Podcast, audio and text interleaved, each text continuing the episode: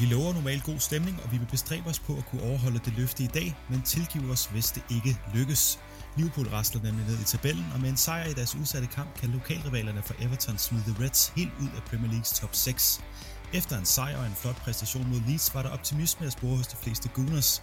Den optimisme blev dog erstattet af skuffelse, da et tandløst Arsenal-mandskab tabte til overlegne Manchester City hjemme på Emirates. Derfor kan stemningen være en smule trykket, men samarbejdet er som altid stolt med Merit Media og Radio 4's Talentlab. Det her er PL Taktiko. Og velkommen til, Søren. Jo tak, lige mod Morten. Du lyder en lille smule øh, nedtrykt. Er det, øh, er det ved at ramme dig, det her Liverpool, øh, ja, nedturs Marit? Ah, det, det har været hårde tider. Det, det tror jeg åbenlyst for alle, der, der sætter sig i forbindelse med Liverpool, men ej, jeg tror nok, jeg skal kunne holde, med, holde, holde humøret højt indimellem, hvis du bare lader mig komme ud med nogle range indimellem. Det skal du have, have i den grad lov til. Et uh, nederlag til lokalrivalerne for Everton, og nu købet hjemme på Anfield for første gang i, jeg ved ikke hvor mange år. Den må alligevel tage, tage hårdt på en, en, en Liverpool-fan, der i forvejen er hårdt prøvet. Ja, det kan du sige. Altså jeg tror, hvis du kigger isoleret på den kamp, så tror jeg, vil tage det hårdt. Jeg tog det ikke så hårdt igen. Jeg tror også bare, det er sådan en form for afmagt med alle de skader og den måde, de spiller på lige nu. Så, så er det en form for afmagtelse, og det minder lidt om, igen, altså, der er jo flere forskellige fangrupperinger, der er begyndt at, øh, mine venner i hvert fald, der er begyndt at drille mig med, hvor, hvor dårligt Liverpool spiller. Øh, og nu øh, at man møder lidt modgang, men der, under, der undervurderer de jo fuldstændig, hvor meget modgang jeg har mødt som Liverpool-fan i, jeg ved ikke hvor mange år. Øh, vi har jo haft tre gode år nu som øh, Liverpool-fans, men jeg kan godt fortælle, at udover de tre år, så hvis man kigger 15 år tilbage, ja, så har der nok været flere hårde år, end der har været gode. Jeg kom til at snakke med nogle venner i går, da vi sad og så øh, Europa League omkring alle de angriber, der var igennem Liverpool igennem ja, nullerne sikkert også, men i hvert fald tierne, som ikke slog til, og som øh, ellers blev købt ind for, for dyre domme, og enten måtte se til for sidelinjen på grund af skader, eller i det hele taget bare ikke øh, kunne finde ud af at finde netmaskerne, så ja, hårdt prøvet har man nok været, og jeg kender jo selv til det som Arsenal-fan, så skal vi ikke bare komme videre, og simpelthen se, om vi ikke kan finde lidt øh, oprejsning i, og, og få lov at, at rante lidt i det her afsnit, og lad os starte med at snakke omkring nyhederne fra Premier League. Og der starter vi altså med, ja, blandt andet øh, Europa League, men også Champions League. Selvfølgelig kun de engelske hold. Chelsea de slår uh, Atletico Madrid overraskende 1-0 på Wanda Metropolitana, og ja, jeg nævner stadionnavnet for at få lov at vise, at jeg har haft spansk på Enevåd Gymnasiet. Må, må jeg lige stoppe dig, Morten? Ja. Blev du ikke spillet på en neutral bane? Så er det rigtig dumt, at jeg har skrevet. jeg mener, den blev spillet på en neutral bane. Jeg kan ikke huske, hvor det var henne. Det kan godt passe. Der var nogle af de der kampe, der blev, øh, blev spillet nogle lidt øh, sjove steder, og så var der andre, der fik lov at blive spillet på de rigtige stadions. Men i hvert fald så slår Chelsea lidt overraskende Atletico Madrid med 1-0, og Manchester City de øh, slår ikke overraskende Gladbach med 2-0. Og så i øh, Europa League, jamen der er Tottenham altså nemt kommet videre mod Wolfsberger med to opgør, der ikke øh, overhovedet bragte dem i problemer. Arsenal de øh, var dog i problemer mod Benfica, og det blev til en, en, ja, en meget sen afgørelse i den kamp, da de øh, spillede 3-2. Ikke i, øh, i øh, hverken Benfica eller i, i London, det var vist i, ja, jeg ved ikke om den første var i Rom, og den anden var øh, et eller andet sted i, i Grækenland, eller hvordan det var. Men i hvert fald sent videre mod Benfica, og så røg øh, United sikkert videre mod Sociedad efter at have vundet den første kamp 4-0, som vi har nævnt. Og så røg Leicester altså ud til Slavia Prag. Og øh, vi øh, kan jo godt lide at kigge med hatten for Premier League-holdene, men vi kan jo lige øh, kippe en lille smule med hatten for øh, danske Alexander Bar og øh, en Næsby-dreng. Nu sidder vi jo begge to i, i Odense her. Ja, på en eller anden måde, så, så gør det jo ikke så ondt, at Leicester røg ud til Slavia Prag, når man tænker på sådan en ung komet der. Ja, men jeg tror også, man skal, man skal ikke undervurdere det der Slavia Prag-hold. Altså igen, nu er det PL Taktiko, men hvis man har fået lidt med sig i James League, der er Slavia Prag. Jeg mener, det var sidste år, de også gjorde det rigtig godt i en svær pulje. Okay, øh, jeg tror, at Barcelona er der store problemer, øh, så Slavia Prag er et stærkt hold, og det tror jeg også, jeg mener, det Kasper Schmeichel ud og anerkendte det bagefter, at de var bare ikke gode nok øh, uh, lister, og jeg tror nok, Slavia Prag i sidste ende egentlig fortjente, og hvilket er lidt bizart over to kampe. Ja, så øh, det er ikke Prag Taktiko, men vi kan vel lige... Øh sende en lille tanke til, til Premier League her med, at Thomas Suchek har været med på en FaceTime, øh, da, da Prag-spillerne de skulle fejre det efterfølgende, kunne man se på, på tv-billederne. Og ikke for at, at hverken tvære ud i noget øh, eller noget, så må man bare sige, at det går meget godt i Everton lige for tiden. De øh, vandt over Liverpool i, i weekenden. Luca Digne, han har skrevet under på en ny kontrakt til 2025, og så har Liverpools City Council, det der vel nok er byrådet, godkendt Evertons stadionplaner, der, øh, der simpelthen giver dem et nyt stadion nede ved havnen i, øh, i Liverpool. Noget, der ser, ser spændende ud, og nogle, ja, efterhånden nogle tider, der kommer til at se lidt spændende ud i, i Everton. Ja, altså der er to aspekter, som du er inde på. Altså, for det første, Lucas Digne forlængelsen, den er jeg meget overrasket over. Ikke at Everton er en dårlig klub, men jeg ser bare Lucas Digne som en af verdens bedste venstreback, specielt offensivt. Altså du kan se, han er også den bak, der har lavet flest til sidst i den her sæson i Premier League, så vidt jeg husker. Øh, og øh, rigtig dygtige venstrebacks, der er også gode offensivt, de hænger ikke på træerne. Øh, så jeg er lidt forundret over, at han har forlænget sin kontrakt med Everton, for jeg tror, der, der burde være større klubber, der skulle være interesseret i ham. Men når det så er sagt, så vil, skal man sidde som Everton-fan og være enormt begejstret over, at man har fået ham øh, på en længere kontrakt helt til 2025. Det, det er kæmpe signing for Everton, en kæmpe scoop. Og når vi snakker deres stadion, jamen, så er det også en del af en, altså en klub, der har, har større ambitioner end det, de har vist inden for de sidste par år. Øh, de har en øh, meget ambitiøs ejer, der også har en, en del penge på lommen, øh, og de har haft ambitioner om at bygge et nyt stadion. Nu har jeg selv haft øh, fornøjelsen af at være på Goodison til en kamp mellem, oh, det var mellem Everton og øh, Newcastle dengang. Og altså, det er et gammelt stadion, Goodison, og der kan være rigtig god stemning på det, men man kan også godt se, at der er behov for, at det i hvert fald bliver, at i hvert fald som minimum bliver renoveret. Men, men at de så har øh, valgt at bygge et nyt stadion, det kan jeg sagtens forstå, og det får en fantastisk beliggenhed i Liverpool, og øh, de tegninger, der er set, er det jo, i hvert fald de oprindelige planer med, med at bygge en, en endetribune, der minder lidt om den der på Signal i Duna Park i Dortmund, hvor øh, der skal være plads til enormt mange fans, og specielt de øh, inkarnerede Everton-fans, for at skabe en fed stemning på stadion. Det er et ekstremt spændende projekt, og um, det, det, efter de har fået Ancelotti som træner, og nogle af de signings, de har lavet, jamen så er det en spændende tid, Everton går i møde, og det, det er ved at være noget tid, siden man har kunne sige det.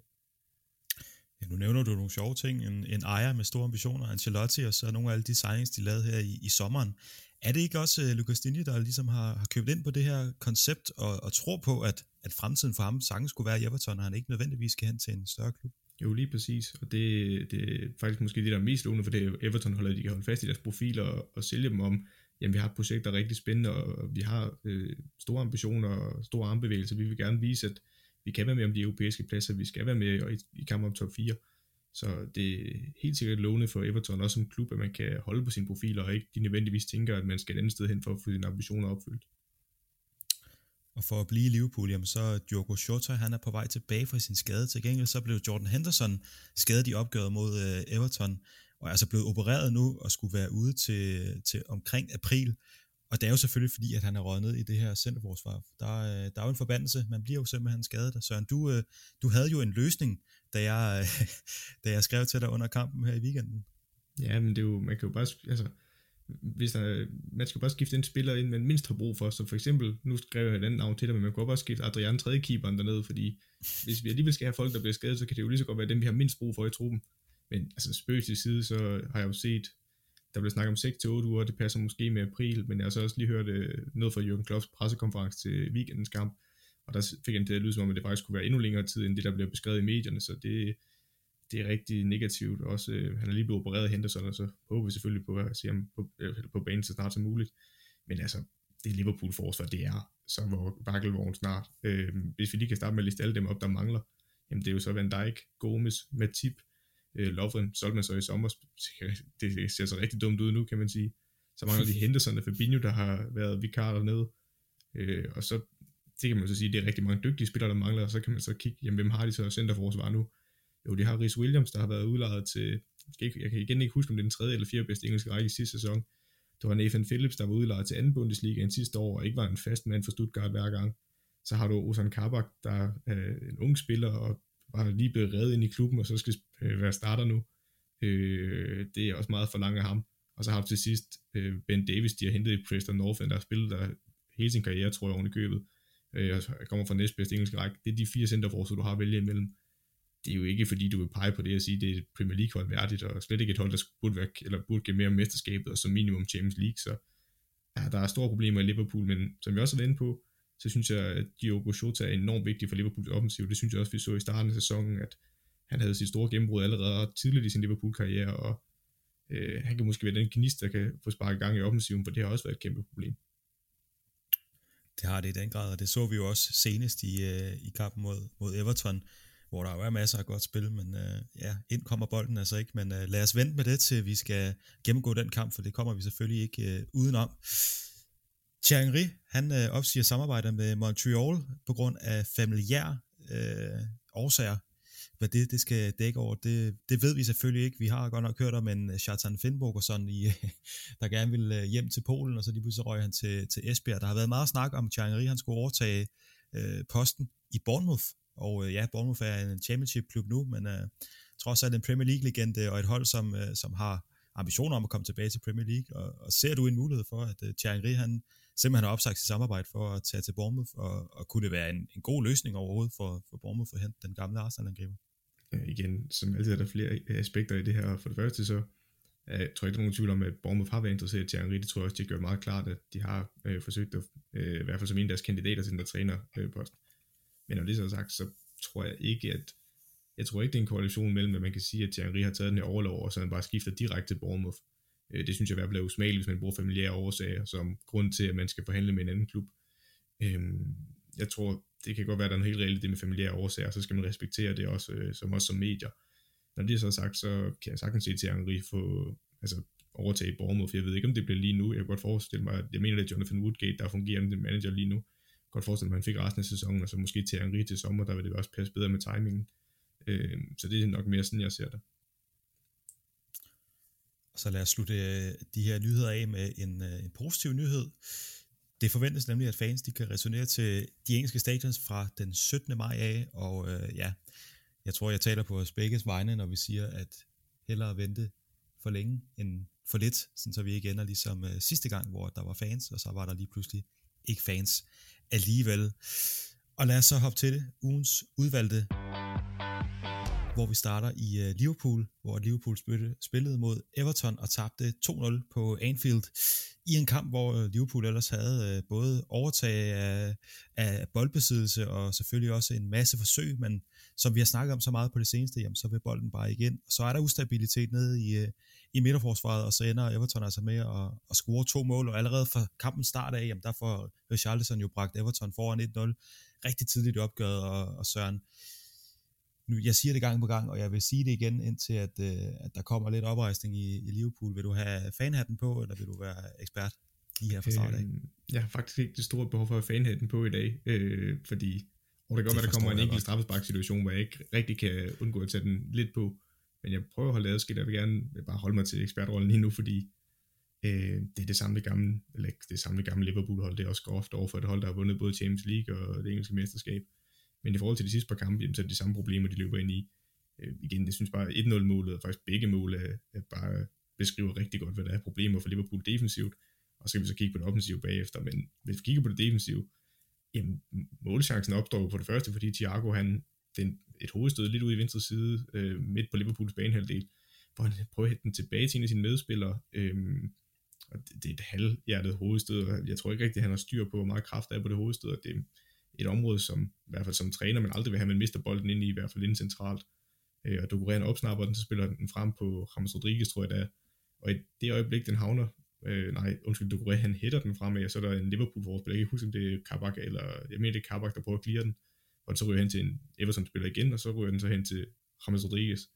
Og i det øjeblik, Ramos Rodriguez får bolden, der er der allerede problemer. Det kan jeg allerede se en målet, fordi øh, Liverpools forsvarskæde er så høj, og der er ikke rigtig noget pres på Ramos Rodriguez, og så kan han bare stikke den ned i bagrummet til Richarlison, der kommer helt alene med øh, Allison, der er ret prisgivet.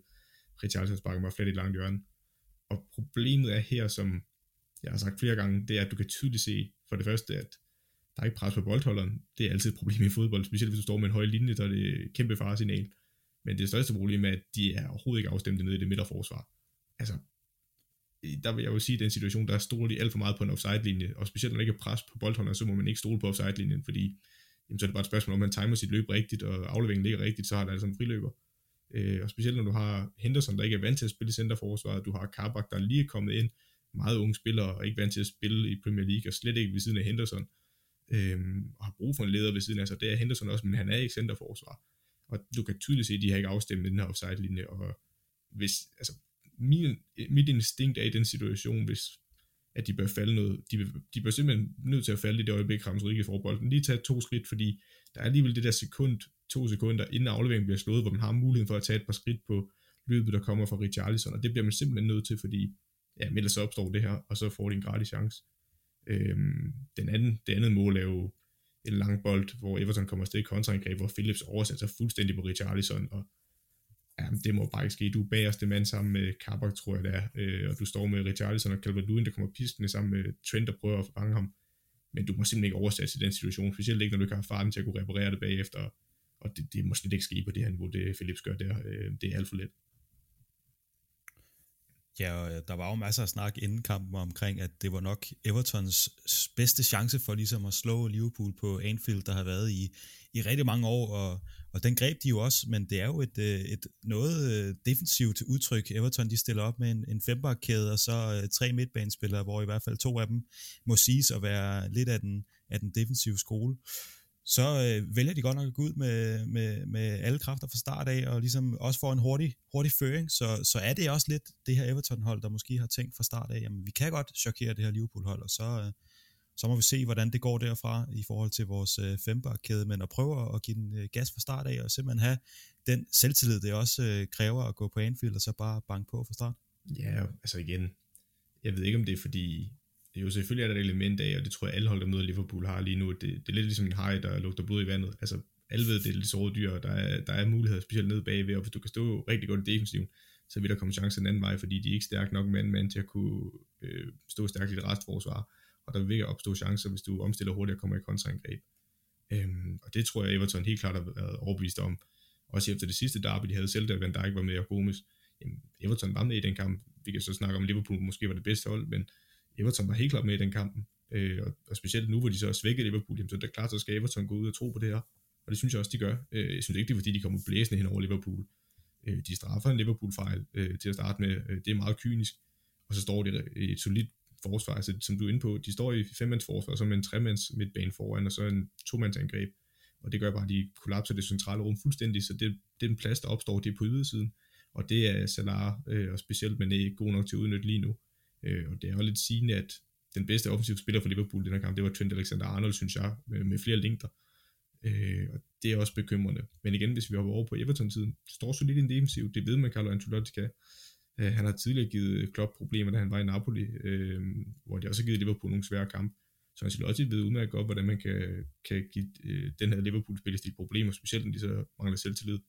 Så de står stærkt defensivt, og så satser de på nogle kontraangreb, og så står John Pickford også en rigtig stærk kamp. Vi har været meget efter ham i det her program, men øh, han har altså nogle rigtig gode redninger. Han har en, en flugter for Henderson, han når helt ud til stolpen og redder, og han har også en i anden halvleg på Mohamed Salah, hvor han når ned og lukker vinklen, så det skal også øh, have kredit. Øhm, ja, Ja, Everton, de har også haft deres problemer i, i den her sæson. Det er ikke mere end to år siden, at de taber 2-0 til, til Fulham. Men altså, vinder 2-0 i, i Liverpool, og, og man spørger jo ofte, om, om det er Liverpool, der, der, der er skyld i, at de taber, eller Everton, der simpelthen bare øh, går ud og, og overmatcher dem. Man kan vel sige, at Ancelotti, han på en eller anden måde spiller det her Liverpool-hold øh, præcis som man, man bør gøre i, i den her situation, eller hvordan ser du det? Ja, fuldstændig. Altså det er også det, det er inde på med, de står med 5-3-2-formationen, at de kollapser det centrale rum, og de giver lidt plads på ydersiderne, og det kan spillerne bare ikke gode nok til at udnytte lige nu, og timing sidder heller ikke i Liverpool-spillernes løb. Så satser man på kontra, fordi man ved, at de ikke er stærke nok mand mand, og der er masser af bagrum at angribe i. Det er jo den opskrift, vi har set flere hold give Liverpool problemer med. Altså vi kan snakke om West Bromwich, vi kan snakke om Everton, vi kan snakke om, øh, jeg vil så sige City og Brighton til dels, de har været bedre til at øh, spille, faktisk bare spille deres spil, øh, og ture have bolden mere.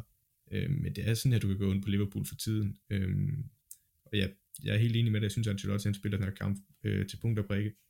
Øh, og det straffer Everton, så det kan godt være, at vi snakker om, at Liverpool, der er et element af, at Liverpool selvfølgelig ikke er det hold, vi kender dem for. Øh, så det er, ikke, det er ikke fordi, man skal tage noget for Everton, men der skal også siges, at det her Liverpool-hold er ikke, hvor de bør være overhovedet. Nej, og er det netop derfor, at man egentlig kan, kan tillade sig at give Liverpool ja, 72% af, af boldbesiddelsen i, i, i sådan en kamp her, og, og egentlig bare på en måde køre den hjem med cruise control, når man får en, en tidlig føring? Jamen, det, det der er så underligt ved det her Liverpool-hold, fordi når jeg sidder og hører kommenteringen på den her kamp, øh, jeg mener, det var den engelske kommentering, hvor jeg hørte at, nej, det var den danske, hvor der blev snakket om, jamen de kan ikke stå hernede en hel kamp i Everton, øh, og der er spillet 22 minutter på det tidspunkt, tror jeg. Jeg skulle lige til at sige, det er jeg lodret uenig i. Jeg tror, Everton netop skal stå dernede det meste af kampen, fordi det virker ikke til Liverpools offensive spillere har selvtillid, og igen, det er meget let bare at sige, at offensiven bør score nogle flere mål, og det er noget, man kunne høre ned på den lokale pop. Øh, men det er det, vi har været inde på tidligere, de mangler selvtillid, de mangler den der evne til, når jeg får bolden, jamen, så bliver jeg retvendt, og så tør jeg gå i duel på modstanderen, og lykkes med mine dueller, fordi den her kamp, der synes jeg egentlig, Liverpool, eller, øh, sparker baks har fint styr på Liverpool. Øh, specielt Mason Holgate var lidt overrasket over, han havde så meget styr på, øh, igen, nu var han ikke bagt, men så øh, den højre brede centerforstopper, øh, der havde en fin styr på Sadio Mané, og det samme i modsat side, jamen, begge de centerstopper, der farede op i ryggen på Salah og Mané, de havde fin styr på dem, og Firmino er en skygge af sig selv, øh, altså han laver så mange fejl i forhold til, hvad han gjorde førhen, øh, så, så rent offensivt er der bare, er der bare, de er bare lukket ned af Everton-spillerne mand-mand, og så er det super svært at lykkes i fodbold, hvis du ikke kan slå en spiller mand-mand. Og Liverpool, de har jo tabt de seneste øh, fire kampe nu i, i Premier League. De øh, vinder trods alt i, i Champions League, kan man jo glæde sig over, især som, som Liverpool-fan, og også som fan af engelsk fodbold generelt. Men altså fire kampe uden sejr, og flere i medierne begynder at snakke om, at øh, Liverpool i top 4, jamen det, det behøver man ikke engang at regne med, at de kan, kan lykkes med er der ikke en chance for, at, øh, at det her det kan blive, blive vendt? Altså, man mangler godt nok sin, øh, nogle af sine allerbedste spillere resten af sæsonen, sin, sin anfører, sin forsvarsgeneral, men, men Liverpool, det, altså, det er jo et godt hold, uanset øh, hvordan det ser ud lige nu. Jeg tror, det har vi også været lidt inde på, øh, jeg, jeg tror, at folk undervurderer, hvor vigtigt Diogo Jota var for Liverpools offensiv. Igen, nu skal vi se, hvilken tilstand han er, når han kommer tilbage. Han er jo med i truppen til weekendens kamp mod Sheffield United. Øhm, og jeg tror, han er en del af nøglen til, at de kan lukke det her angreb og offensiv spil op. For det, det kan godt være, at vi sidder og snakker om, at deres forspillere bliver udstillet, men det gør de også, fordi Liverpool har øh, 74% possession, eller hvad det var, du sagde, øh, i den her kamp. Og så bliver de udstillet, fordi der er meget bagrum, og de skal dække øh, hurtige spillere op mand, mand, og det kan de ikke. Hvis Liverpool derimod kan score et mål tidligere i kampen og komme foran, jamen så kan man stille sig længere tilbage, så kan man, det, jeg tror Nathan Phillips, Rhys Williams, Kabak, Ben Davis, jeg tror alle sammen, de er mere komfortable med at stå længere tilbage, hvor Liverpool kan få lov til at køre nogle on, eller omstillinger og kontraangreb, og de ikke skal have så meget bagrum dække op. Så jeg tror, det kan være lidt en nok øh, on effekt, at man kan sige, hvis Liverpool lykkes mere offensivt ved, at Diogo Jota kommer, der kan gøre det ekstraordinært og være med til at sætte de andre op, så de får mere plads øh, og angribe i, for det er jo stadigvæk verdensklassespillere, vi har mere at gøre, selvom de ikke har selvtilliden. Men hvis de begynder, at Jota kan være med til at lukke offensiven op, og de begynder at få lidt mere selvtillid og form, fordi de begynder at score nogle mål, og vi kan se de spillere, som vi ved, de kan være, jamen, så kommer det også til at hjælpe forsvaret nede bagved, fordi så skal de jo, for det første, hvis Liverpool scorer to-tre mål, jamen, så gør det ikke noget, man lukker en enkelt ind. Men hvad vigtigt er, hvis de lykkes op foran, så kan Liverpool stille sig lidt længere tilbage i perioder i kampene, så de ikke hele tiden skal jagte kampen. Øh, og det tror jeg vil klæbe bagkæden, som den er i sin nuværende forfatning rigtig meget. Og de møder jo altså Sheffield United her i, i weekenden, en kamp, som man må sige er overkommelig, taget deres øh, ja, tilstand i betragtning de taber jo også mod øh, Fulham en kamp, som vi skal vende her øh, lige om lidt, men, men som Liverpool-fan, man er vel øh, på en eller anden måde fortrøstningsfuld. Altså, du, du nævner det her med selvtillid, og Diogo Jota kommer tilbage igen nu. Altså, en kamp mod Sheffield United, det må da kunne sparke offensiven i gang igen. Ja, specielt. Nu kommer vi ind på Sheffield Uniteds problemer også, men med de problemer, de har i bagkæden også, så burde det være muligt. Øh, det er slet ikke det Sheffield United hold, vi kender, men omvendt så har de også givet, øh, med deres sejr, de to på Old Trafford over Manchester United, så kan de stadig godt give problemer til de større hold, øh, men Liverpool bør vinde den. Men jeg bliver simpelthen nødt til at vinde det sidste morgen, for nu, nu tager jeg altså Liverpool-hatten på, øh, ligesom du på. Det er straffespark, de får Everton. Det kan godt være, det er mig, der sidder som Liverpool-fan og farvet, men jeg synes godt nok, det er tyndt. Øh, altså, vi kan være enige om Trent, han kaster sig ned i en glidende takling, men Calvert-Lewin får sin afslutning, og efterfølgende, der er Trent jo, han ligger nede på jorden, jeg er med på, at han glider lidt, der er stadigvæk lidt bevægelse, men det er jo Calvert-Lewin, der kigger på afslutningen, han kigger på afslutningen, fordi det gør man jo, når man afslutter, det er jo klart. Og så da han kigger op, der er han jo på vej til at løbe ind i Trent. Men det er jo ikke fordi Trent han stikker armen ud, eller prøver at fange ham med hovedet. Han sidder jo med ryggen til Calvert-Lewin, der løber ind i ryggen på ham. Og så bliver det dømt straffespark. Og det, der irriterer mig mest, det er ikke så meget, at der bliver dømt straffespark. Det er mere dommerens reaktion på det. Fordi han skal over og kigge det på, fordi dommeren, eller dommerne i varerummet siger til ham, det skal du nok lige ud og kigge på. Da han går ud for at kigge på var-tavlen, han når jo ikke engang hen til tavlen, før han begynder at vende om og gå tilbage. Altså det synes jeg, det synes jeg er utroligt. Vi kan så være uenige om, der er straf eller ej, men han skal gå ud og kigge situationen igen. Man kan ikke bare stå på lang afstand og bare allerede være forudindtaget og sige, jeg ved, der er straffe. Fordi jeg synes ikke, der er straffe. At det må jeg bare ærligt anerkende. Det ved jeg ikke, hvordan er din holdning til det?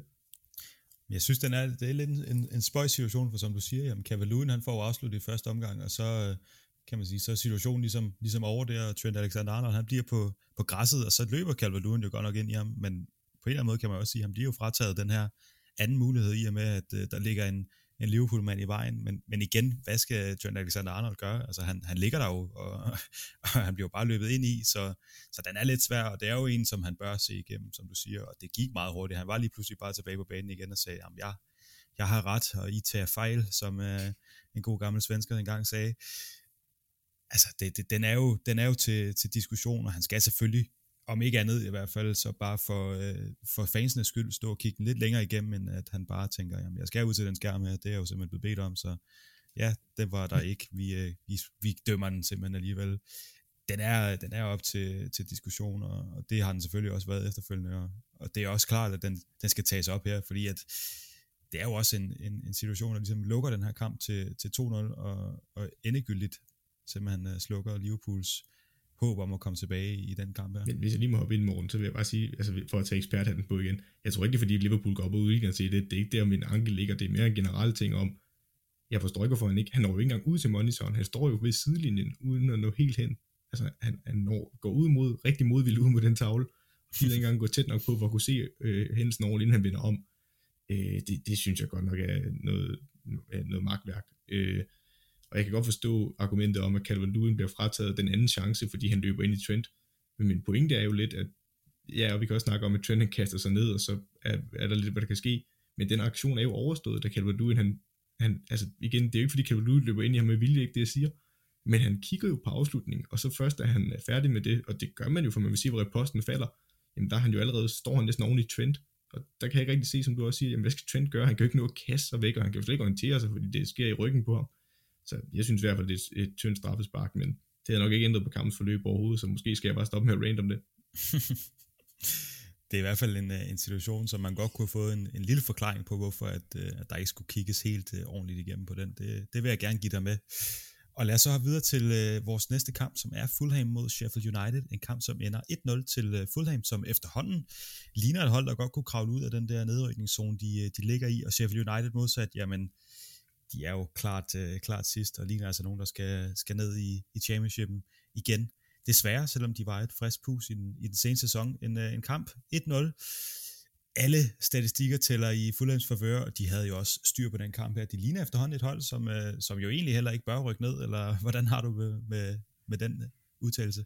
Øhm, det synes jeg, der er flere, igen, jeg gider ikke sige flere aspekter, for så er jeg godt nok ved at øh, bruge det ord alt for meget, men der er i hvert fald flere niveauer i det, fordi ud fra den her kamp, der synes jeg Fulham er klart det bedste hold. Altså hvis du snakker om statistikkerne, jeg så en statistik under kampen for Sky Sport A, der viste, at, øh, skal vi se, om jeg kan finde den, for den synes jeg også var meget sigende.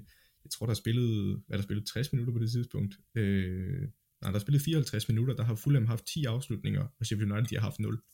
Og Fulham, de har haft 4 på mål, og Sheffield United, ja, de har så ikke haft nogen på mål, for de havde ikke nogen afslutninger overhovedet. Det er først i det 65. minut, Sheffield United, de får en afslutning. Øh, det siger alt om det her hold, at de har så svært ved at score mål.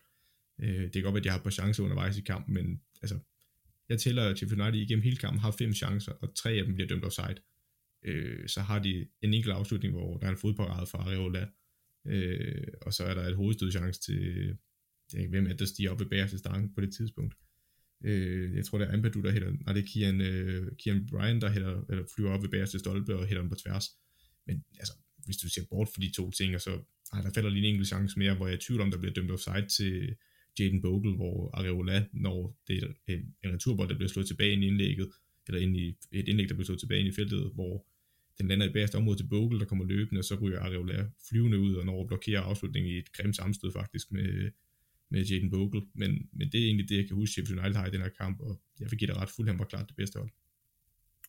Og udover at have øh, en af de øh, flotteste kaptajner i, i hele Premier League, som selvfølgelig er danske Joachim Andersen, så, så har de jo egentlig også et, et lidt spændende hold. Ikke de store stjerner, Loftus Cheek kender man trods alt fra, øh, fra Chelsea, men ellers så er det jo sådan, ja, man tør vel godt kalde dem championship-spillere, der, øh, der folder sig ud i, i Premier League.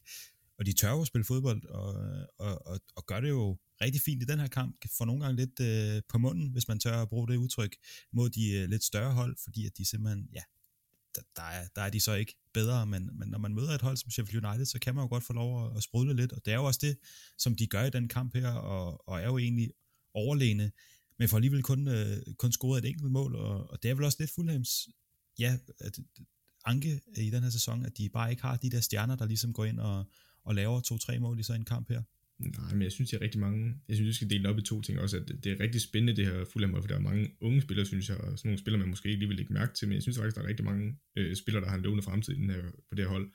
Og så kan vi så snakke om de taktiske ting bagefter, men hvis vi kigger på dem spiller for spiller, øh, hvis vi starter, ja, i starten i transfervinduet i sommer, der snakkede vi jo lidt om, at det her Fulham hold og West Brom hold, de var bare en flok championship spillere, men jeg synes alligevel, Fulham har fået krydret øh, der, deres hold med, med højere kvalitet de har Areola, der har stået i både Real Madrid og Paris.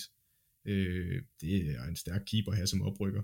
Så deres højre bak, jamen, øh, ja, højre bak, det, det skal vi så ind i tænke ting bagefter, men Ola Aina, der starter i højre side, spiller en rigtig god kamp, øh, har lavet drømmemål tidligere denne sæson. De har Anthony Robinson, der er rigtig dygtig offensivt, der også får lov til at starte. Han startede ikke ind mod Everton i sidste kamp, men den her kamp får lov til at starte inden, og så har du Joachim Andersen også, øh, ja, øh, de har lejet, som også er, der er blevet anført, og man kan også se på de defensive dødebold, der er det Joachim Andersen, der tager styringen, øh, og det er et fedt lederskab, jeg synes, han viser.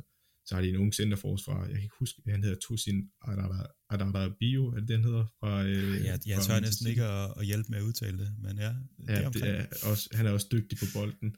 Så har de en, to centrale midtbanespillere i, øh, øh, Angisa, øh, jeg tror han hedder Sambo Angisa, der også er rigtig dygtig på bolden. Kan han tendens til at drible lidt for meget, men, men jeg synes, han er en spændende spiller. Øh, og så ved siden af ham, der har de jo Harrison Reed. Stabil, der kan man snakke om en spiller, der også har spillet en del over i championshipen. Men hvis vi kigger længere frem nu, så har de også Loftus Cheek, de har lejet Chelsea, der er en, altså, en, en bedre Premier League-spiller, der bare har været ramt af mange skader. De har øh, Ademola Lukman, der har været i Everton også, der også er dygtig offensiv. Øh, og så har de Cavallero, der har været i Wolverhampton, der er også øh, på kanten, men og så en del over championship, så jeg vil give dig, der er en del championship-spillere, men der er også mange med lånepotentiale, der er mange unge spillere. Det, hvor du så rammer måske hovedet på sømmen, det er, at de har haft problemer med at score mål, eller de har i hvert fald manglet en etableret angriber. De har haft Mitrovic, der har scoret mål i championship, men han har desværre i Premier League. Han er en udbredt boksspiller, han er fysisk stærk, kan være med i opbygningsspil til at være en, man kan lægge den op på, der kan lægge den af, men han har ingen fart til at tro i bagrummet, og er på den måde meget indimensionel spiller og skal bruge en del service for at lykkes. Så har de så fået Josh Meyer, øh, den tidligere Sunderland-spiller, de har hentet i Bordeaux, øh, der scorede to mål mod Everton, øh, og en fantastisk start for ham. Men i den her kamp, der er han ret usynlig det meste af tiden, så det er ikke en spydspids, de mangler. Ja, for de er vel egentlig ikke meget anderledes end et hold som Southampton, der er en, øh, en fast bestanddel af Premier League. Sådan selve bagkæden og, og midtbanen og så videre, de kunne godt minde lidt om hinanden, og så har de bare ikke den Danny Ings, der ligger op foran og, og banker målene ind. Ja, ellers skulle du lave en kobling, der minder om Brighton. Altså dem, øh, jeg vil sige, Brighton er bedre, et bedre hold end dem, men der er nogle af de samme aspekter med, at de mangler en spydspids. Øh, at de, de kan se gode ud på bolden. Øh, det gør de også i perioden her kamp, men de mangler lige det sidste, og vi kan også snakke om målet i den her kamp. Jamen, det er jo Joachim Andersen, der slår en lang bold, og det er en guddommelig aflevering til Adam Måle Lukman, der tager den flot med brystet op i feltet, og så prøver han at drible Ampadu, der så egentlig i første omgang får sparket ind på Lukman, men Lukman får den så skrabet forbi Ampadu, alligevel så sparker han flat under Ramsdale. Så det er jo ikke på måde, det er jo en, det er jo en to defensive fejl af Ampadu. For det første, han bliver fanget under bolden, det må ikke ske på den lange aflevering. Han bliver alt for fokuseret på at belukke Lukman, så han ikke kan få lov til at blive retvendt, hvis han fik den i fødderne. Øh, og så i en omgang, der må han heller ikke blive sat på den måde af Lukman, der skal han være bedre til at klire den. Øh, men ja, det er det et problem for dem, at de mangler noget offensivt. Og hvis vi kigger over på den anden side af banen, jamen der står Sheffield United jo, og de er i den grad øh, underpræsterende i den her sæson, eller overpræsterende i den seneste. Det er også en mulighed, der, der foreligger, men i hvert fald så måtte vi jo, jeg tror, 10 runder ind i den her sæson, før de overhovedet fik deres første sejr, og 11 point efter 25 kampe, det er jo overhovedet ikke øh, imponerende på nogen måde. Ligner heller ikke et hold, der, der, der tror på det rigtigt længere. Øh, hvad, hvad i verden er det, der er sket ved det her Sheffield-hold? Øhm, jeg kan jo starte med at komme lidt i møde Sheffield United, det er, de skader, de er ramt af, specielt nede bagved. Øh, for, ja, for det første så mangler det din Henderson i målet, og Ramsdale er ikke på samme niveau overhovedet, men jeg synes ikke, det er der hovedforklaringen ligger. Det er nok mere centerforsvar, så når de har bolden, har der også været nogle udfordringer.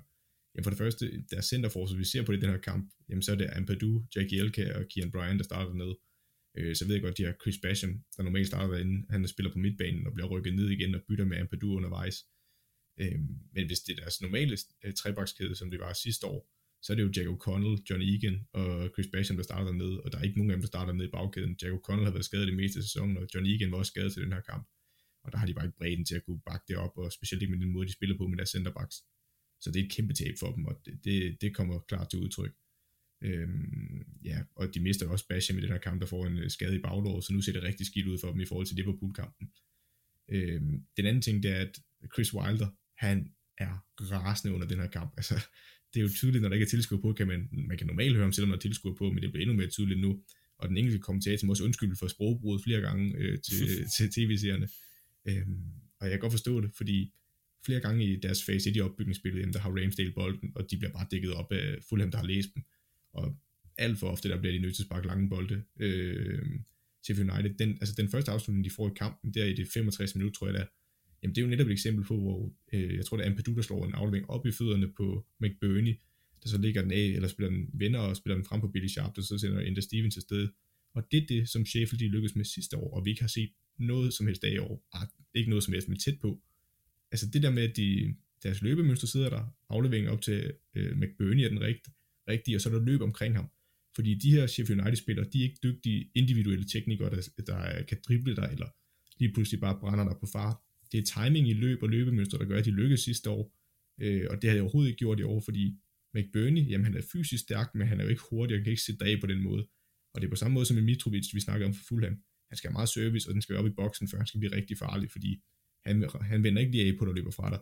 Billy Sharp, jamen det er svært at pege på hans spidskompetence. Han er skarp i feltet og en dygtig afslutter, men det kræver, at du kommer op i feltet, så han kan få nogle afslutninger.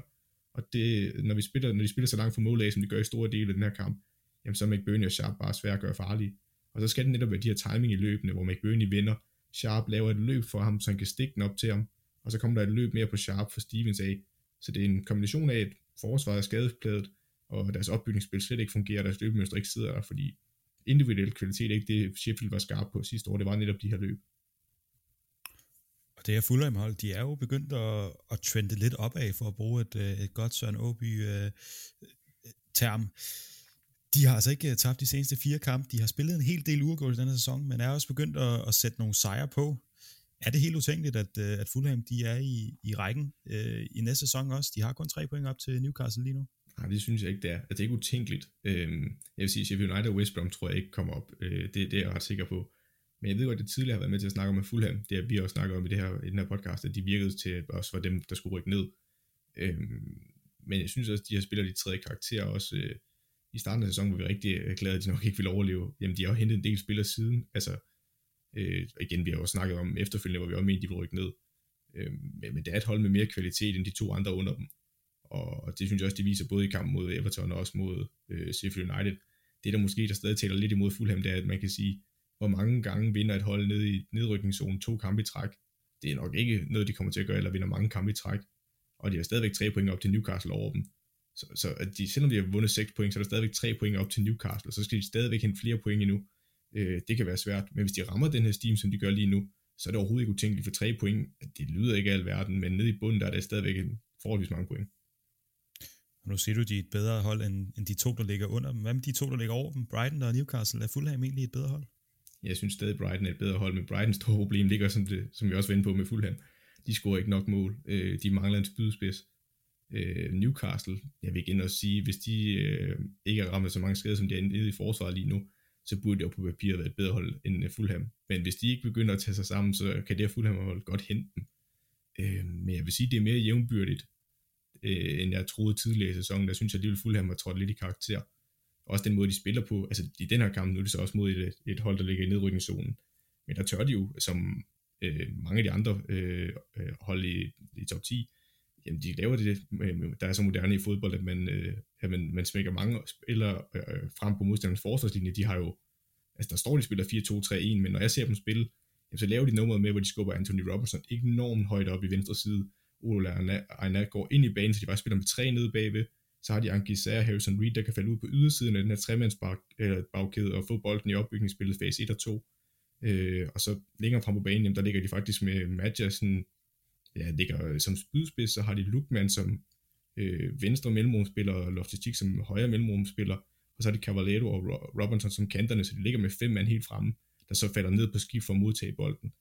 Øh, så på den måde synes jeg, det er rigtig spændende Fulham-hold, der, der er lidt mere på den moden i Premier League nu med rigtig mange offensive spillere. Tør de gøre det mod de større hold? Det skal jeg se, og, øh, og kan de stå imod? Det bliver også spændende at se. Jeg vil ikke sige, at Fulham er rykket ned overhovedet. De har stadig chancen, men der skal stadigvæk hentes en masse point ind til sæsonen om, før, før de kan gøre sig forhåbning om at blive i, i ligaen. Et spændende hold, som vi måske får lov at se uh, i næste sæson også. Sheffield United. Ja, var det ikke uh, den sidste Premier League-sæson for, for den her omgang i hvert fald? Jo, det, det er jeg ikke i tvivl om. Øhm, og det bliver spændende at se, fordi kan de regruppere, som Norwich har gjort ned i championshipen? Kan de holde fast i den her trup? Øh, og kan de, kan de ramme de højder, som de gjorde i sidste sæson? Altså, jeg synes jo heller ikke, at man skal underkende det et hold, der altså var mere om de europæiske pladser sidste sæson, så der er jo noget bund i det her hold, når de ikke er så skadesramt. Øh, så jeg tror måske, de skal holde fast i Chris Wilder og håbe på, at de kan holde fast i det meste af truppen, fordi så tror jeg også, de har chancen for at rykke op igen næste år. Øh, men de overlever ikke i den her sæson, det, det tror jeg godt, vi kan slå fast. Og lad det være sidste bemærkninger. Så lad os hoppe videre til den sidste kamp i, i den her omgang. Det er selvfølgelig Arsenal mod Manchester City, som ender med en 1-0 sejr til øh, gæsterne fra Manchester City. Og øh, ja, de ligger ude med hurtigt at komme foran. Øh, Sterling på, på hovedet af, af alle øh, spillere vælger simpelthen at hætte den ind tidligt på et Mares-indlæg. Og øh, ja, de første 10 minutter ligner, det skal være en, en lang og sej kamp hjem for, for Arsenal. De får mere spil efterhånden, som kampen den, øh, den skrider frem, men en ja, en lang sej kamp på den måde for os øh, tilskuere, i og med at det bliver aldrig rigtig farligt, og de skaber ikke de helt store chancer. Så derfor en, en kamp, jo, som, som fortjente der ender 1-0 til Manchester City, men som egentlig også var lidt mere kedelig, end hvad man havde forventet, eller hvad så? Ja, men jeg tror bare, jeg tror også bare, det er City-hold, der er bedre hold end Arsenal. Altså så simpelt tror jeg også, vi kan køre det. Øh, især de første 10 minutter rigtigt, der blæser City Arsenal ud af, ud af stadion, og jamen Støvling har vel næsten tre chancer inden for de første 10 minutter. Øh, og, og, altså, man må også bare kigge på det her Arsenals forsvar og sige, jamen det kan godt være, at det, altså, det, er, en, det er en rigtig warning for Ruben Dias, der bliver slået ud en diagonalbold på Riyad Mahrez, og det er en rigtig ubehagelig situation for Tierney, han havner i at skal være mand-mand med Mahrez, øh, og får også muligheden, fordi der ikke er pres på ham. Altså Tierney tør ikke komme ind i taklingen eller i duellen, fordi han er bange for, at Mahrez dribler ham, øh, og det giver Mahrez muligheden for at chippe den ind. Men at Rob Holding kan blive placeret så dårligt, øh, at Raheem Sterling kommer op og hætter den der ind, det er simpelthen også for ringe. Han må heller lige tage et par skridt bagud, så han ikke bliver fanget under bolden, for det må bare ikke ske. Øh, og igen, så kan det være svært at vurdere, hvornår egentlig kommer fra Morales, men heller blive fanget et par skridt bagved, så du har spillet foran dig, i stedet for at blive fanget under bolden. Øh, men ja, Arsenal har da også gode momenter i den her kamp. Øh, du har en Saka og Tierney over i venstre side specielt, der har nogle rigtig gode perioder. Øh, men ja, øh, jeg tror også bare, at vi må anerkende, at det var et City-hold, der, der er jo bedre på stort set alle pladser, og ja, hvis du kigger på XG'en for kampen, altså expected goals, hvor mange mål man forventer på, at, øh, at holdene score på deres chancer, øh, øh, og de spillere, de falder, eller chancerne falder til, øh, jamen, hvis man kigger på XG'en for understat.com af, jamen, så er 0,33 til Arsenal og 2,09 til City, så det viser måske også et meget godt billede af, at City nok bare var det bedste hold. Det var det nok i, i den grad, og ja, nu nævner du godt nok uh, Tierney over på, på venstreflanken, og en spiller, som mange Arsenal-fans var jo glade for at se, at, at han kunne starte mod Manchester City, og at uh, han i det hele taget er tilbage på, på det her hold, fordi han har i den grad været, været savnet og, og har manglet i nogle af de her lidt større kampe, hvor man skal skabe noget. Man kan sige, at øh, med en spiller som Mares foran sig, jamen så, så kan alle jo få, få problemer. Det er måske heller ikke lige hans styrke at skulle, uh, skulle kæmpe mod en, en spiller, der kan gå begge veje, og, og kan, kan simpelthen have et, et antrit, som, som ikke særlig mange andre i, i den her liga. Normalt så, så vil øh, Tierney jo gerne have løbeduellen ud på, på kanten, men, øh, men det er jo ikke det, som er Mareses spil, så måske han defensivt har haft lidt problemer, og så jamen offensivt, der bliver det jo også lidt ensidigt en gang imellem, i og med, at den skal over øh, den samme kant hver gang, og det er vel egentlig også øh, Arsenals problem i den her kamp, at det, at det er lidt ensidigt, det de gerne vil, og, og det bliver vel for nemt for Manchester City at stå imod nede defensivt. Ja, altså det er jo fordi, de bliver testet så voldsomt i defensiven. Altså vi kan være enige om, at de har nogle gode gennembrud med Tierney og Saka i perioder over i venstre siden. Øh, men ellers så er det jo en kamp, hvor Arsenal primært skal satse på, at de får en, øh, en chance efter et kontraangreb eller efter en hurtig omstilling. Øh, det, det, er jo sådan, at Arsenal skal skabe en chance i den her kamp, når de er op mod overmagten, som de bare er med det at sige, de hold. Øh, og så vil jeg også godt forsvare Tierney lidt. Øh, for eksempel på 1-0-målet, jamen hvad pokker skal manden gøre? Altså han, det er en drømmeafdeling for Ruben Dias ud til Marles men hjælpen ud til ham fra specielt Granit Xhaka og Pippe, som øh, ikke Niklas Pippe, røvle øh, Bukayo Saka, øh, øh, over i den side, den er jo ikke eksisterende, han blev efterladt på en ø derude, øh, og det, det er super svært at skulle dække en mand op, som Martes, der kommer lidt i fart, og du bakker ind i feltet, jamen han venter jo bare på, at du laver et udfald, og så dribler han dig, øh, eller du begår et straffespark på ham, øh, og, og, og, så kan man vælge den tredje løsning, som Tierney gør at være afventende, øh, og så giver det ham pladsen til at slå et, et godt indlæg. Øh, så, så jeg vil sige, Tierney har en svær kamp, men det er også den position, han bliver sat i, eller de omstændigheder, han bliver sat i, der gør det utrolig svært, for jeg tror ikke, der er mange, eller jeg tror ikke, der er nogen backs i Premier League, der vil have stor succes over en hel kamp overfor Martinez, når han spiller, som han gjorde i den kamp. Ja, og Tierney har en svær kamp, og i det hele taget, der, øh, der er det en svær kamp for hele Arsenal-mandskabet, fordi det er jo ikke kun Mares på det her City-hold, der, øh, der er god. Det er jo simpelthen bare altså over alle linjer. De starter over ud så med, i, her i sæsonen med at være sådan lidt, ja, på, på bagben kan man vel godt kalde det. Det, det. det går ikke så godt i starten, de sakker lidt bagud, og så lige pludselig der ligger de altså bare nummer et med ja, 50 mål i 25 kampe, har kun lukket 15 ind, og 10 point ned til andenpladsen. Har vi overhovedet nogen, øh, rosende ord til overs for Manchester City. Det er vel efterhånden ved at være godt opbrugt, hvad man kan, kan sige om dem. Ja, altså, vi skal nok også komme ind på det i min deep dive, for der vil jeg op kigge på den her kamp, og den taktiske duel, der udspiller sig mellem øh, Guardiola og hans lærling, eller tidligere lærling, Michael Arteta, fordi det er faktisk rigtig fascinerende, fordi som Guardiola er inde på indkampen, jamen, så ved Arteta jo rigtig meget om det her hold, øh, men der er City bare så komplet et hold, at selvom øh, Arteta ved rigtig mange af de ting at gøre, synes jeg er nogle rigtig kloge taktiske beslutninger, specielt i defensiven, jamen så har City bare så mange redskaber, og Guardiola har trænet sit hold så godt, at jamen, selvom du tager én ting væk fra os, så udnytter vi bare det rum, du giver os. Øh, men jeg vil ikke stoppe med at rose Manchester City, for det er imponerende, det de leverer lige nu. Og også i en kamp, hvor de igen spiller stort set uden angriber. Øh, jeg mener, Gabriel Jesus kommer ind undervejs, men både Jesus og Aguero, som er de eneste fuldblodsangriber, der er, de sidder på bænken. Det er jo Kevin De Bruyne, der spiller som en falsk, øh, falsk 10'er op på toppen, eller falsk 9'er, undskyld, op på toppen. Øh, og så igen, som vi snakkede om med Fulham, jamen, så er det det der på måde øh, med, at man lægger rigtig mange offensive spillere frem på modstandernes forsvarskæde, hvor de så falder ned på skift. Og, og det, jeg synes, der er rigtig spændende at se, fordi der er jo flere hold, der gør det her. Men det, der gør City så gode ud over, at de har nogle verdensklasse individuelle spillere, det er den måde, de læser hinandens løb på. Det er så lækkert at se på som en, en rigtig fodboldnørd. Den måde, hvis Kevin De Bruyne falder ned, jamen, så siger Silva, oh, jamen, der er et rum, jeg kan angribe her. Og det er ikke nok med, at man så tænker, okay, jamen, det er jo forholdsvis simpelt, det kan jeg selv en seriefodboldspiller som regel forstå, at hvis der er en, der falder ned i banen, jamen, så angriber jeg bagrummet, eller jeg laver overlappet her, fordi kanten går ind. Men det er jo alle sammen, der er i sådan en symbiose om, at jamen for eksempel, så kan det godt være, at Kevin De Bruyne falder ned, så løber øh, Bernardo Silva dybt. Men så en, der ser det rum med Bernardo Silva her efter det, og hele den der dominoeffekt, det skaber, øh, det er så fedt at se på, og det, det er noget smukt fodbold. Det er det, og vi har jo haft, øh, haft det op at vende med City. Altså, de har jo haft perioder, hvor det er, er gået lidt mindre godt, og vi snakkede også om i den seneste sæson, at jamen, de skulle ud og hente en, en centerback, og det har de så gjort. De henter Ruben Dias, og siden da, jamen, der er det jo nærmest ikke lukket mål ind. De, de bliver ved med at fikse det her, og så har man også tænkt, jamen er, er Guardiola egentlig den rigtige mand? De virker til at være lidt trætte og kørt sådan lidt, lidt ud, og vi har snakket om, at han er meget hård og meget krævende som, som træner, og måske var det egentlig på tide, at han ligesom gav det her City-hold videre til en anden, og, så, som så kunne prøve at se, hvad, hvad den person ville kunne gøre med det, men nu er de jo bare tilbage og, og ganske ustoppelige, og så må vi jo bare æde vores ord som, øh, som såkaldte eksperter, i hvert fald så, øh, så vil jeg gerne sætte gåsøjne omkring min egen øh, rolle.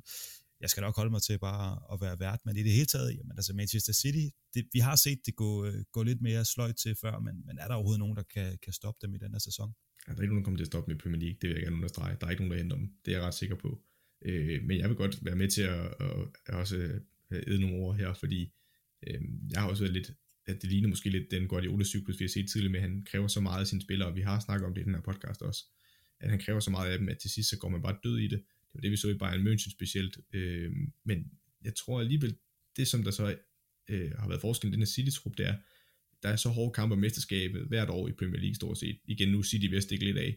Øh, men inden da, hvor vi snakker om, at City ikke havde den bedste sæsonstart, hvor vi sagde, at det så lidt trævligt ud, og det, det virkede som om, at de, de, de ikke rigtig havde det samme overskud mere, at de var kørt lidt døde i det, og det havde også været en lang sæson sidste år.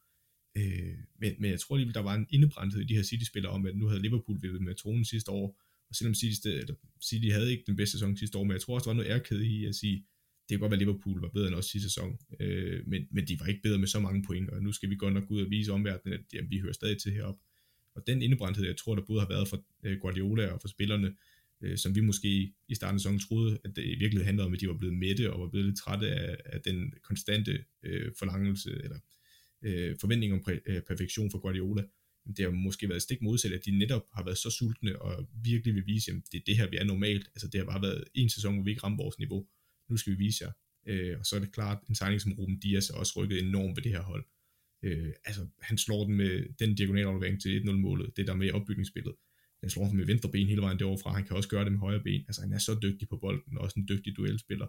Øh, og han er jo, jeg tror, jeg vil stadigvæk mene, at Van Dijk er den bedste centerforsvar i Premier League, men jeg vil mene, at Ruben Dias er lige bag ham.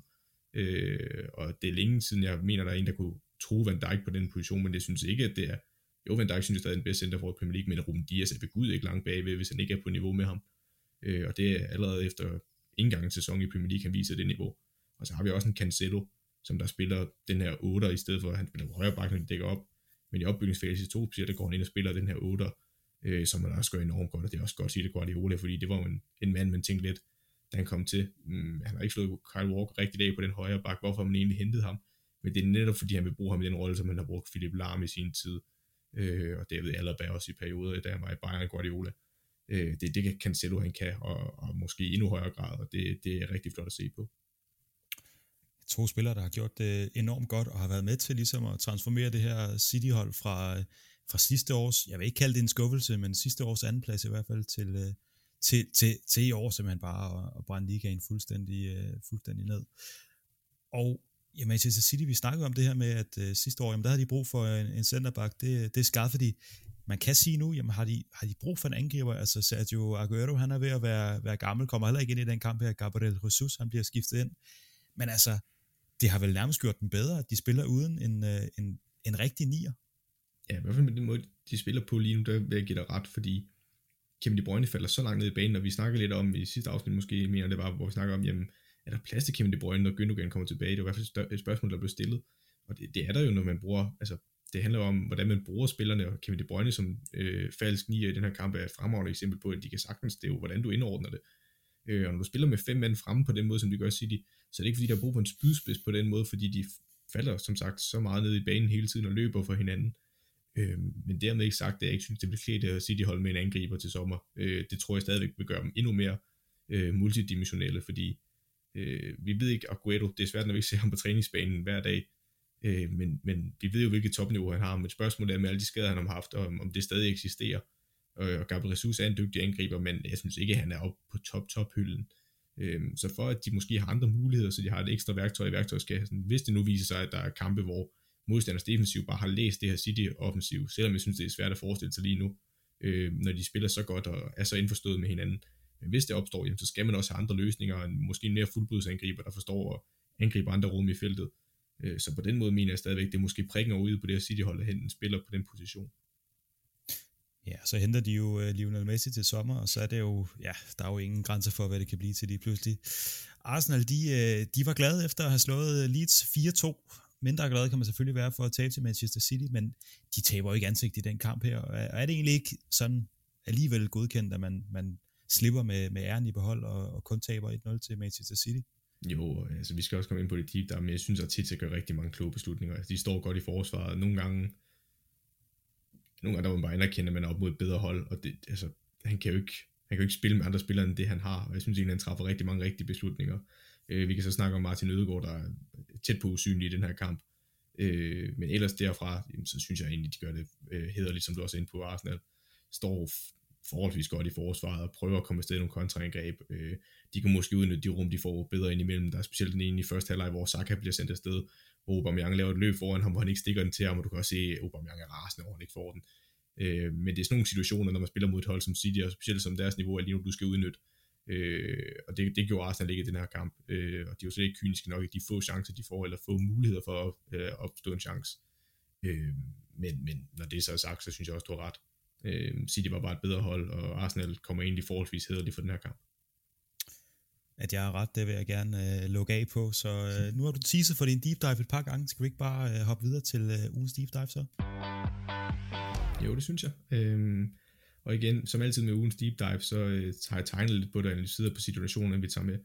Øh, og hvis man gerne vil se på de tegninger, øh, for at få en lidt bedre forståelse af det, så kan man hoppe ind på vores sociale medier inde på Facebook, eller ikke vores sociale medier, men vores sider, på de sociale medier. Øh, det er jo imponerende, vi, vi som podcast... Det kommer ikke op på, øh, på i private, tror jeg. Ja, det er næste, det er næste skridt, Morten. Det, vi laver vores sociale medier. Men nej, hvis vi, vores sider på de sociale medier, jamen der øh, er vi både på Facebook og på Instagram, hvor vi hedder PL Taktiko begge steder og meget gerne give os et like, eller følge os derinde, så I kan følge med fremadrettet, når vi laver øh, de her deep dives og citattabeller, øh, og lægger nye afsnit op.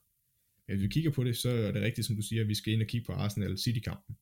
Øh, og det jeg gerne vil kigge på, det er, øh, det er de taktiske justeringer, der sker undervejs i kampen, for dem finder jeg utrolig interessante. Øh, og igen, nu siger jeg taktiske justeringer, det kan også være, det er jo garanteret noget, de har fået at vide på forhånd ved at opstå, øh, men det skal vi nok komme nærmere ind på.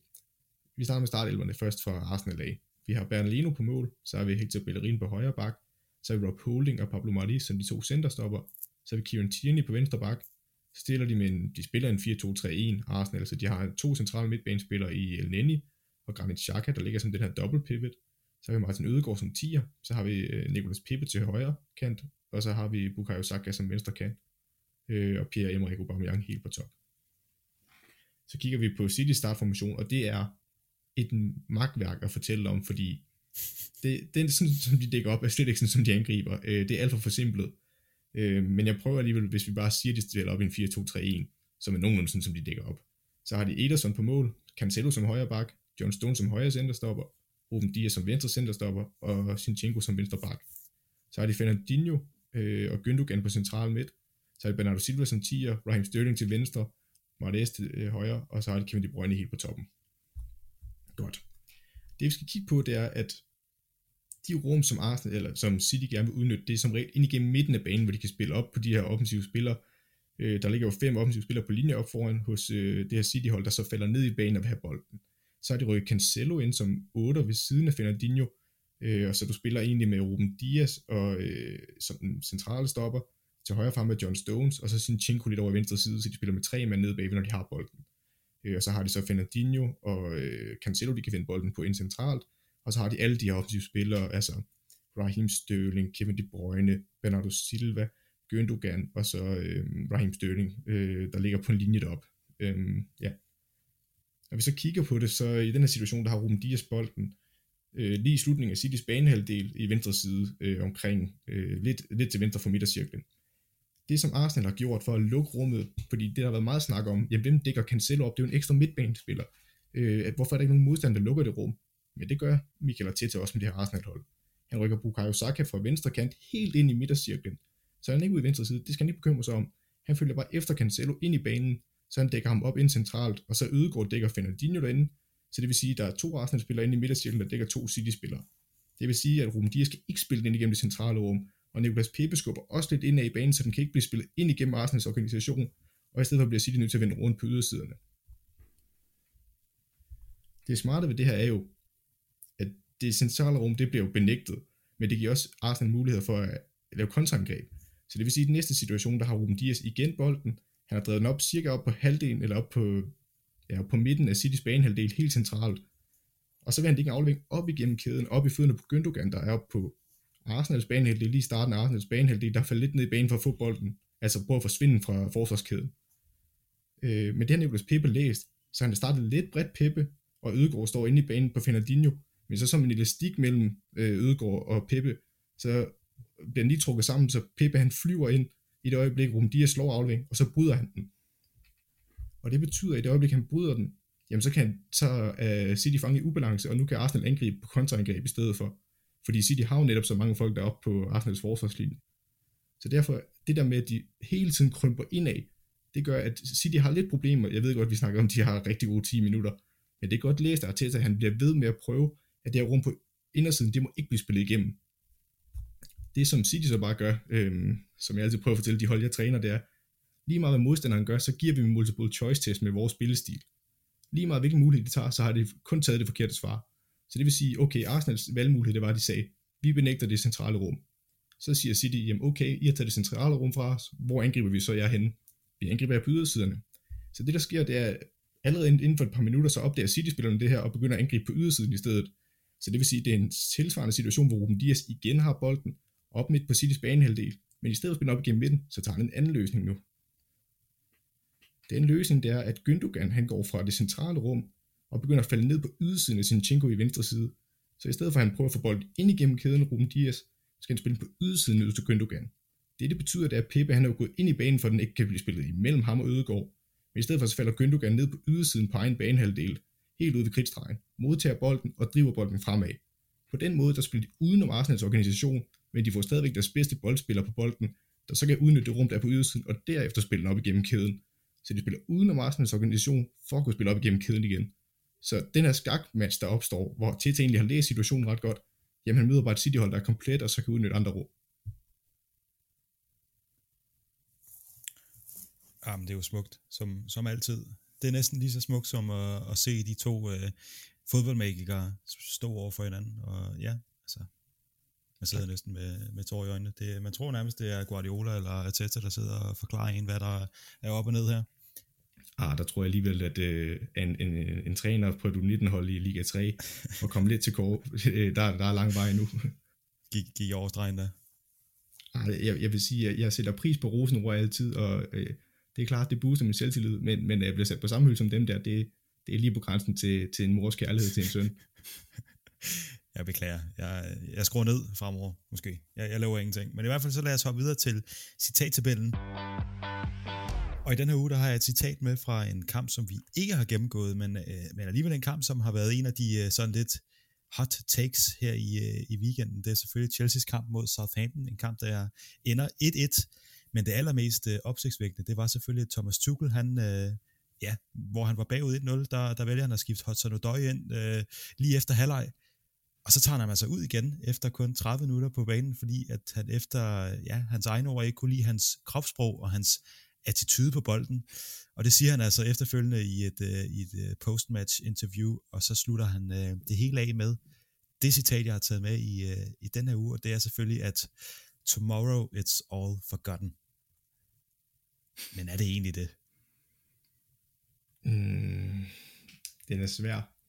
Fordi det binder sig nok lidt til Tuchel som person, at han kan være så pirlig, eller være pirlig er det forkerte ord, han kan være for langt så meget af, af sin af, af sine spillere, og af selv sådan noget som dårligt attitude, igen, jeg har ikke set kampen, så jeg skal ikke kunne vurdere det, men det er meget, meget stringent at skifte en spiller ud efter så kort tid på banen, øh, og specielt når han er blevet skiftet ind.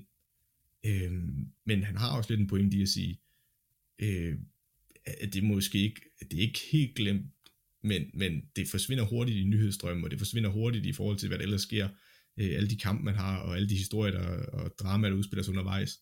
Så han har en pointe i det, men, men helt glemt, at den vil den nok aldrig være. Nej, fordi for en spiller som Callum Hudson-Odoi, er det så egentlig bare øh, glemt igen, og han så bare ligeglad med, at han blev jamen, flået ud af den her kamp efter en halv time på banen. Han når nærmest ikke at, at vise sig frem jo. Altså på den ene side kan man sige, at han har jo haft rigtig meget, det virker som Tuchel har stor øh, tiltro til Hudson Odoi. Han har spillet rigtig meget her i starten også. Øh, og så vil jeg også sige, jeg læste noget, lige læste en kort, øh, et kort indslag med Pascal Struik fra øh, Leeds, der fortalte om, at, hvordan at, øh, han var så imponeret over Bielsa som træner. Øh, og en af de oplevelser, han havde haft, det var, at han netop var blevet flået ud øh, i en første halvleg, og hvordan det havde ændret ham som spiller og gjort ham stærkere. Så jeg tror også lidt, hvordan spilleren tager det. Men det er klart, altså hvis det var, det kan jeg i hvert fald sige, hvis jeg som spiller blev taget ud, i, i, efter jeg blev skiftet ind efter så kort tid, ja, så vil jeg nok også være lidt rasende. Øhm, men, men ja, jeg vil sige, det kommer ikke til at make or break Hudson Odoi's forhold til Tuchel eller hans karriere i Chelsea. Så jeg er nok mere tilhænger af, at det nok, at Tuchel har ret, at det nok hurtigt bliver glemt. Men jeg tror, vi er omkring midten, men måske lige lidt til den positive side. Kan vi så ikke gå lige til den, til den negative side, så vil det i hvert fald øh, gøre godt i mit øh, sådan grafiske hjerte i forhold til, hvor meget jeg skal ligge og flytte rundt på. Åh, oh, det kan vi godt, det kan du godt overtale mig til. Jamen, øh, så lad os pla- placere den lige under øh, vores, vores midtercitat, altså lige over Pep Guardiola, der roser Sam Allardyce og kalder ham et sandt geni. Det passer vel egentlig også meget godt, at vi, øh, vi havner der. Og så, altså Søren, nu har du sagt selv, at du er U19-træner. Kunne du finde på at, at tage en spiller ud, og så efter kun ja, en halv time på banen? Øhm, ja, det kunne jeg nok godt, øhm, men, men der skal virkelig meget til. Øh, fordi for mig at se, så er det lidt, indskiftningen virker ikke så velovervejet, når du skifter ham ud igen. Øh, og som regel, hvis jeg skifter en spiller ud, eller skal skifte en anden ind, øh, så, så vil jeg gerne sige, det er velovervejet, jeg ikke bare skifter for at skifte. Og hvis jeg skifter en spiller ud igen efter så kort tid, jamen, så er det jo ikke både, så er det ikke kun ham, der har fejlet, det er jo også mig som træner, der har fejlet. Øh, men hvis der er et eller andet, der gør, at rent taktisk, at vi bliver nødt til at ændre, øh, at jamen, hvis der bare er en, der falder totalt igennem, og, og det kan jo ske, altså alle kan jo have en dårlig dag, jamen, så er jeg ikke bleg for at gøre det, men, men der skal rigtig, rigtig meget til. Så for ikke lige at tabe eget ansigt, så, så beholder du på banen? Nej, det kunne jeg ikke finde på. Det var ikke, øh, det var ikke rent sådan, øh, ja, sådan et selv-image. Øh, altså hvis jeg skal sagtens, det, det skal man kunne som træner, man skal kunne anerkende, når man begår fejl, fordi det vil man gøre. Øh, og det er i flere sammenhæng. Det kan både være rent taktisk, at du har lavet en helt forkert formation, eller en helt forkert spillestil til den kamp, hvor modstanderen udnytter nogle rum. Der må du ikke være for stolt til at sige, okay, jeg vil kigge en fejl, gut, og vi bliver nødt til at ændre. Øh, det skal man kunne. Og, og det er ikke fordi, at hvis jeg skifter en spiller ind, og det går, øh, og det, det skader holdet, jamen så skal jeg være den første til at, og til at ændre det. Men der skal bare rigtig meget til. Øh, og jeg har ikke oplevet en situation, det tror jeg i hvert fald ikke endnu, hvor jeg har, har følt, at det har været nødvendigt, at jeg skulle skifte ham ud. Nu, nu skal jeg lige passe på, fordi det kan faktisk godt være, at jeg kommer i tanke om en, men, men, men som udgangspunkt skal der rigtig, rigtig meget til, og det, det skal, det skal være det holdet, det er det jo altid, men det skal virkelig være holdets bedste, fordi det er, det er en meget dramatisk ting at gøre. Det er jeg glad for at høre. Og jeg er også øh, glad for, at du ikke i hvert fald øh, indtil videre har haft planer om at skifte mig ud på, øh, på værtsrollen her. Og jeg synes også, på trods af, at vi begge to har gået ind til det her øh, med et, et nederlag i, øh, i weekenden, og, øh, og egentlig nogle lidt svære tider, vi, øh, vi, vi har været igennem, trods alt som øh, henholdsvis Liverpool og, og Arsenal-fans, så var der da meget god stemning. Ja, det synes jeg også. At det kan jo være lidt af to ting, og det kan jo være enten, fordi det er fredag, vi optager i dag, at det bare er øh, weekendens kodhed, man er, man er ramt af. Men det kan også bare være, at vi er dybt naive som fodboldfans, og så tænker, jamen der er jo en ny runde i, i weekenden, og, og det kan jo kun gå fremad. Det er i hvert fald det, man, man ofte tænker. Og ja, lad os uh, slutte af uh, og sige, at det var, det var sgu også dejligt i, i den her uge at få, få snakket det hele igennem. Det er jo uh, trods alt også det er jo lidt en, en terapisession for os en gang imellem, og, og, og, og det er jo også noget, man har brug for, så man skal øh, konfronteres med sine, øh, sine også lidt, lidt triste sider en gang imellem, og det, det bliver man også her. Gudskelov, så bliver man også øh, konfronteret med, med godt selskab, og det har det været endnu en gang. Så derfor så vil jeg bare sige tak til Merit Media og Radio 4's Talentlab for at, at støtte op om, om det her projekt, og så, øh, så tak til dig, Søren. Selv tak, morgen. Og tak til dem, der gider at lytte med. Og så er det jo, ja, du nævnte det, fredag, og Disse Rønne er tilbage som X-Factor hver i aften, så det kan jo kun blive en rigtig dejlig weekend.